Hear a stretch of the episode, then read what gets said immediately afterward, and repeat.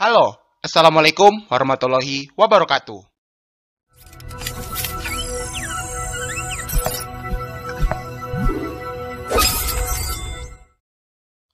Oke, di episode podcast kali ini kita akan membahas soal toxic masculinity. Jadi apa itu toxic masculinity? Toxic masculinity adalah sebuah keadaan atau kondisi di mana laki-laki di masyarakat atau di society itu dituntut untuk tidak boleh menunjukkan perasaannya, untuk selalu kuat, untuk selalu tegar gitu istilahnya.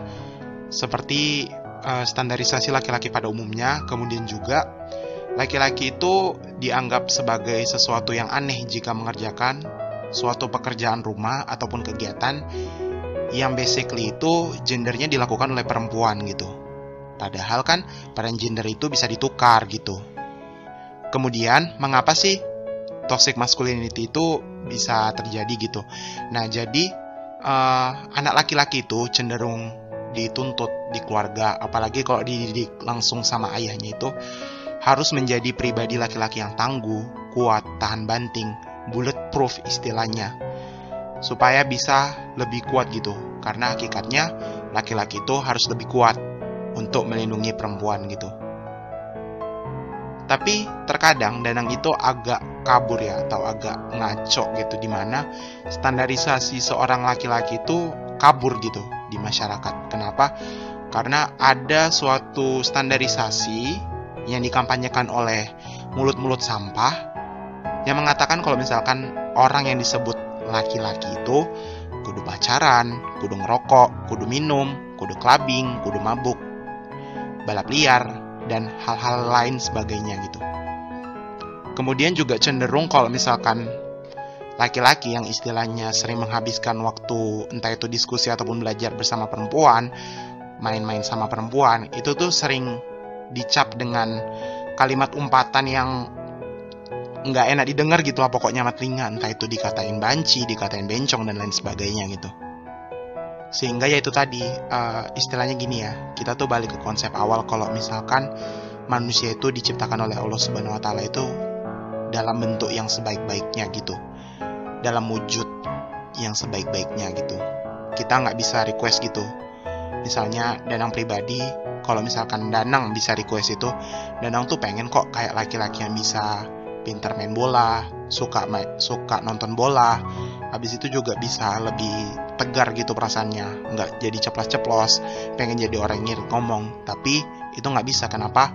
Karena itu udah digarisin sama Allah gitu. Tapi itu tadi, itu balik lagi ke diri manusianya. Manusia itu kan diciptakan untuk punya kehendak gitu. Dia ingin merubah nasibnya atau enggak gitu. Nah, jadi contohnya misalkan kayak pria yang istilahnya dikatakan nama society itu ngonde atau kemayu itu merupakan kayak sebuah aib gitu sebagai sesuatu yang memalukan gitu. Jadi tidak cenderung orang yang kayak gitu yang selain dia tuh udah kena toxic masculinity.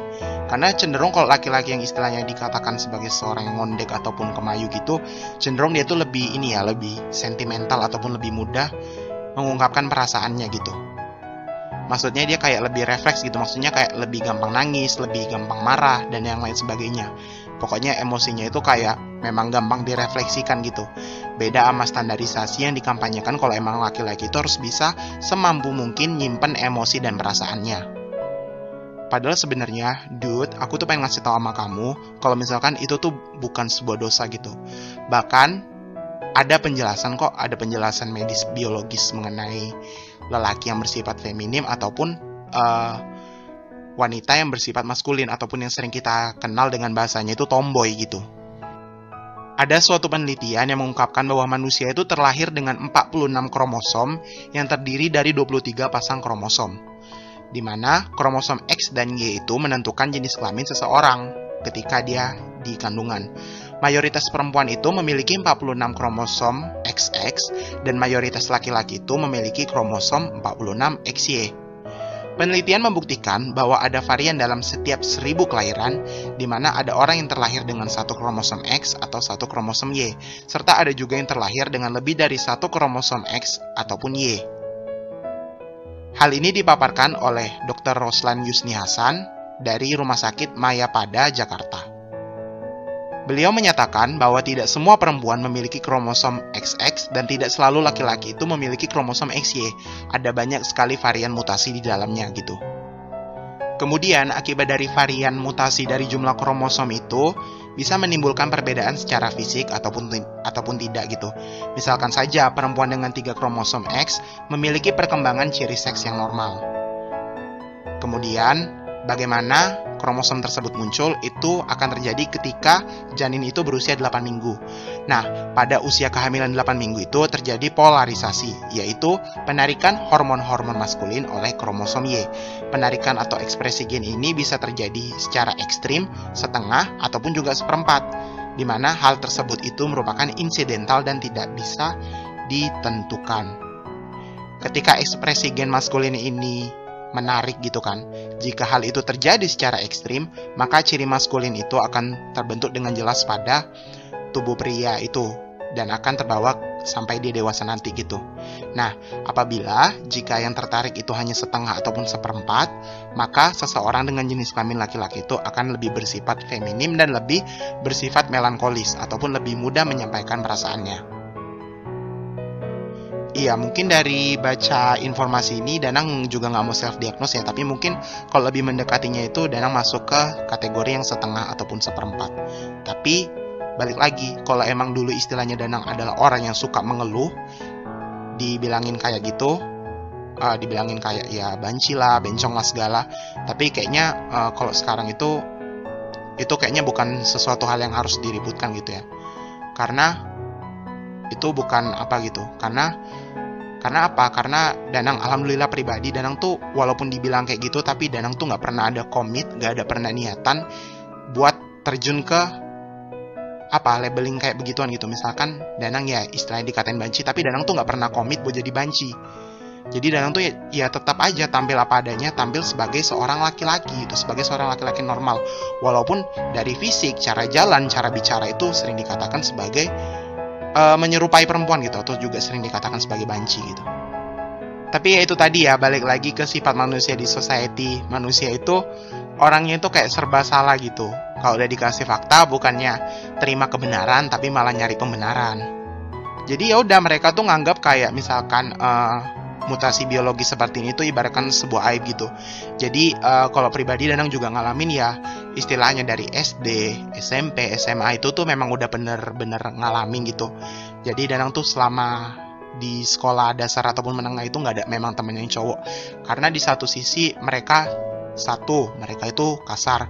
Dua omongan mereka itu nggak berbobot. Mereka itu suka istilahnya kayak misu ngomong kotor ataupun mereka juga yang memang paling biasa sering diomongin itu mereka sering juga ngomongin cewek gitu. Mereka eksploitasi cewek secara visual gitu pokoknya uh, omongan itu cenderung kayak ya kurang berkualitas lah tapi balik lagi gitu ke jenis kumpulan ataupun circle-nya gitu apa yang diomongin gitu Terus balik lagi lah ke konsep labeling itu tadi. Jadi labeling itu kan sebuah konsep di mana seseorang itu dicap gitu. Jadi ya Mungkin karena memang istilahnya postur badan Danang yang begini, cara jalan Danang yang begini, cara ngomong Danang yang begini, itu memang istilahnya udah kenyang-kenyang lah diomong kayak gitu. Tapi apakah itu bikin Danang mundur gitu, bikin Danang malu? Iya awalnya dulu sih iya gitu Dulu awalnya kayak emang udah mikir kayak memang Kenapa sih kayaknya dunia nggak adil gitu Kenapa sih kayaknya Allah itu nggak adil sama aku gitu Tapi ketika kita nemuin konsep Islam dan kita itu bisa belajar untuk lebih bersyukur dan menerima diri sendiri, di situ tuh eh, kalimat-kalimat sampah dari mulut danang sendiri yang dulu terlontar yang menggerutu kalau misalkan hidup ini nggak adil itu tuh kayaknya sebuah konsep pemahaman yang keliru gitu. Jadi sekarang konsepnya kalau dibilangin kayak gitu sih sekarang kayak bodoh amat aja ya. Karena apa? Kalau misalkan kita ke trigger berarti kita ngerasa misalnya kita dibilangin woi banci gitu dibilangin gitu kan misalkan diteriakin gitu.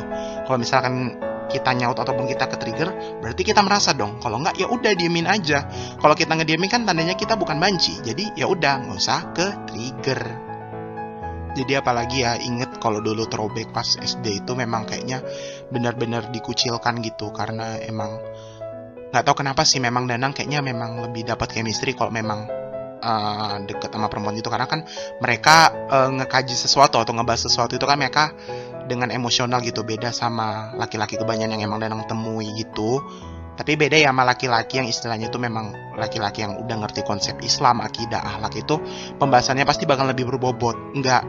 Yang Nana maksud laki-laki di sini itu adalah laki-laki yang mulut-mulutnya sampah gitu. Ya jadi gitu alasannya memang lebih istilahnya deket sama uh, perempuan gitu kan. Baik pun sekarang di ngampus kalau ngampus ini ke perpustakaan itu ya memang paling malas ngajain teman-teman yang cowok gitu. Dan sampai detik ini pun juga nggak terlalu deket-deket banget gitu sama teman-teman yang cowok. Lebih deket sama teman-teman yang cewek. Karena mereka itu memang bisa ngerti gitu. Dan mereka juga bener-bener pernah gitu ngasih kalimat yang emang bener-bener kayak feedback positif gitu ke aku buat supaya aku lebih mempertahankan sifatku yang sekarang gitu. Apa kata mereka? Mereka tuh bilang kalau Danang, kamu itu istilahnya tuh termasuk laki-laki yang langka loh. Loh, emangnya kenapa? Iya, kamu tuh laki-laki baik gitu. Kenapa gitu? Kenapa aku dibilang laki-laki baik? Karena ya itu kamu nggak ikut kayak mereka gitu yang nongkrong nongkrong nggak jelas kamu tuh nggak ikut ikutan kayak mereka yang istilahnya itu uh, bangga gitu mereka ngerokok ataupun ngevape di kampus gitu mereka yang bangga mamer-mamerin uh, kehidupan malam maksiat mereka gitu ataupun uh, miras party gitu dan kami tuh bangga gitu punya teman laki-laki baik kayak kamu gitu. Itu tuh bener-bener kayak ngasih feedback dan energi positif ya ke Danang bener. Itu bener-bener kayak obat gitu. Karena apa? Dulu Danang tuh pernah sempat ada di fase gini nanya aku ini apa beda ya gitu? Apa aku ini nggak kayak laki-laki yang dikampanyekan oleh society gitu? Apa aku ini emang kayak bukan laki-laki kayak umumnya gitu karena laki-laki umum yang aku lihat itu ya balap liar, clubbing, minum minuman keras, miras party gitu. Nah jadi pernah sempat pengen kayak gitu gitu diem-diem. Tapi ya itu tadi karena kalimat dari teman-teman cewek yang bilang kayak gitu tadi kalau kamu itu laki-laki baik gitu kalau bisa jangan berubah sikap kamu kayak gitu. Tetap welcome sama kami gitu. Karena ada sedikit sekali gitu istilahnya perempuan yang emang mau terbuka gitu sama laki-laki baik kayak kamu gitu. Itu bener-bener masya Allah ngasih energi banget gitu. Walaupun istilahnya itu tadi dalam konsep Islam kita juga harus tahu ya batas-batasnya apalagi sama lawan jenis gitu. So jadi ya udah. Terus apalagi coba feedback positif yang didapat ke Danang orang tua. Ini memang benar-benar obat banget. Istilahnya walaupun Danang kayak gini gitu kan Danang itu sampai pernah nanya gitu ke mama, e, mah, mama itu sebenarnya kayak malu nggak sih punya anak? Kayak aku gitu yang istilahnya uh, suka ngedance gak jelas abis itu uh, suka diomongin ini itu gitu. Nanya gitu ke mama gitu tapi mama itu nggak pernah malu gitu. Mama itu malah bangga gitu. Dia malah over proud. Dia juga bangga gitu nunjukin ke teman-temannya kalau ini loh anakku yang istilahnya walau dihujat sana sini walaupun istilahnya dijelekin sana sini tapi dia tuh bisa mampu berdiri gitu. Dia tuh nggak nggak ngubah kodratnya gitu. Apalagi bapak. Bapak juga sering kan temannya datang ke rumah gitu kalau lihat uh, ikut sopo tondong gitu. Nanya itu siapa sih? iya itu anakku. Terus dia dibilang kok kayak rada-rada kayak perempuan gitu? Tapi bapak itu nggak pernah ngegubris gitu. Malah bapak tuh malah banggain gitu. Dia malah ngomong besar gitu ke teman-temannya kalau misalkan ya biarkan aja gitu. Yang penting anakku pintar yang penting anakku sekolah yang benar. Yang penting anakku itu bisa kuliah dengan baik gitu. Dia bisa kuliah di PTN yang bagus gitu. Itu benar-benar kayak memang benar-benar kayak ngasih obat ke Danang gitu. Jadi seketika ketika Danang ngedenger feedback positif itu itu benar-benar kayak ngerasa Oh iya ya, kenapa sih aku harus dengerin omongan-omongan sampah mereka dulu? Yang bilang kalau aku tuh bukan laki-laki yang normal, yang yang mana mereka dulu bilang kalau aku tuh laki-laki yang aneh, aku tuh laki-laki yang kayak perempuan gitu. Aku tuh kayak seorang banci, bencong segala. Bahkan juga pernah sampai dikata homo gitu. Padahal sebenarnya aku tuh punya lingkungan yang nge-support aku, yang nge-backup aku dengan istilahnya potensi tenaga yang lebih kuat gitu. Tapi ya itu tadilah, dan pada akhirnya juga Danang belajar gitu kalau misalkan ada konsep di mana maupun itu salah gitu tapi ketika dapat suara yang banyak pasti dia bakal menang gitu di masyarakat gitu jadi kemudian Danang juga denger ya podcast dari Babo Radio punya Kak Fuad Naim yang memang benar-benar obat gitu ketika kita tahu konsep di mana semua itu karena Allah, semua dari Allah, semua punya Allah gitu. Ya Allah itu menciptakan Danang kayak gini gitu dan itu merupakan sebuah amanah gitu. Sekaligus tanggung jawab yang emang harus Danang emban gitu. Tapi dengan catatan Danang itu nggak harus ngerubah kodrat Danang seperti yang mereka katakan gitu. Sehingga insya Allah semoga Danang lah bisa jadi pribadi yang lebih baik gitu ke depannya. Bisa jadi pribadi yang lebih bersinergi ke depannya. Dan bisa terus menjadi laki-laki baik ke depannya gitu. Dan bisa lebih memberikan feedback positif untuk banyak orang. Amin ya robbal alamin. Oke mungkin itu aja ya. Uh, episode podcast pada hari ini mengenai toxic masculinity. Sorry sebelumnya tadi agak bener-bener bawang gitu Danang nyampeinnya karena emang kalau bahas soal orang tua ini kayaknya langsung kena di hati gitu. Karena itu hmm, Danang berpesan lah kalau misalkan kalian yang masih kena labeling ataupun stereotype soal toxic masculinity Danang tahu kalian itu hebat, Danang tahu kalian itu kuat, kalian bisa melewati ini semua. Buktikan ke mereka kalau omongan-omongan miring itu, itu semuanya salah. Dan kalian bisa lebih baik daripada mereka. Mungkin itu saja, aku Danang Arya Kusumo, pamit undur diri. Terima kasih. Assalamualaikum warahmatullahi wabarakatuh.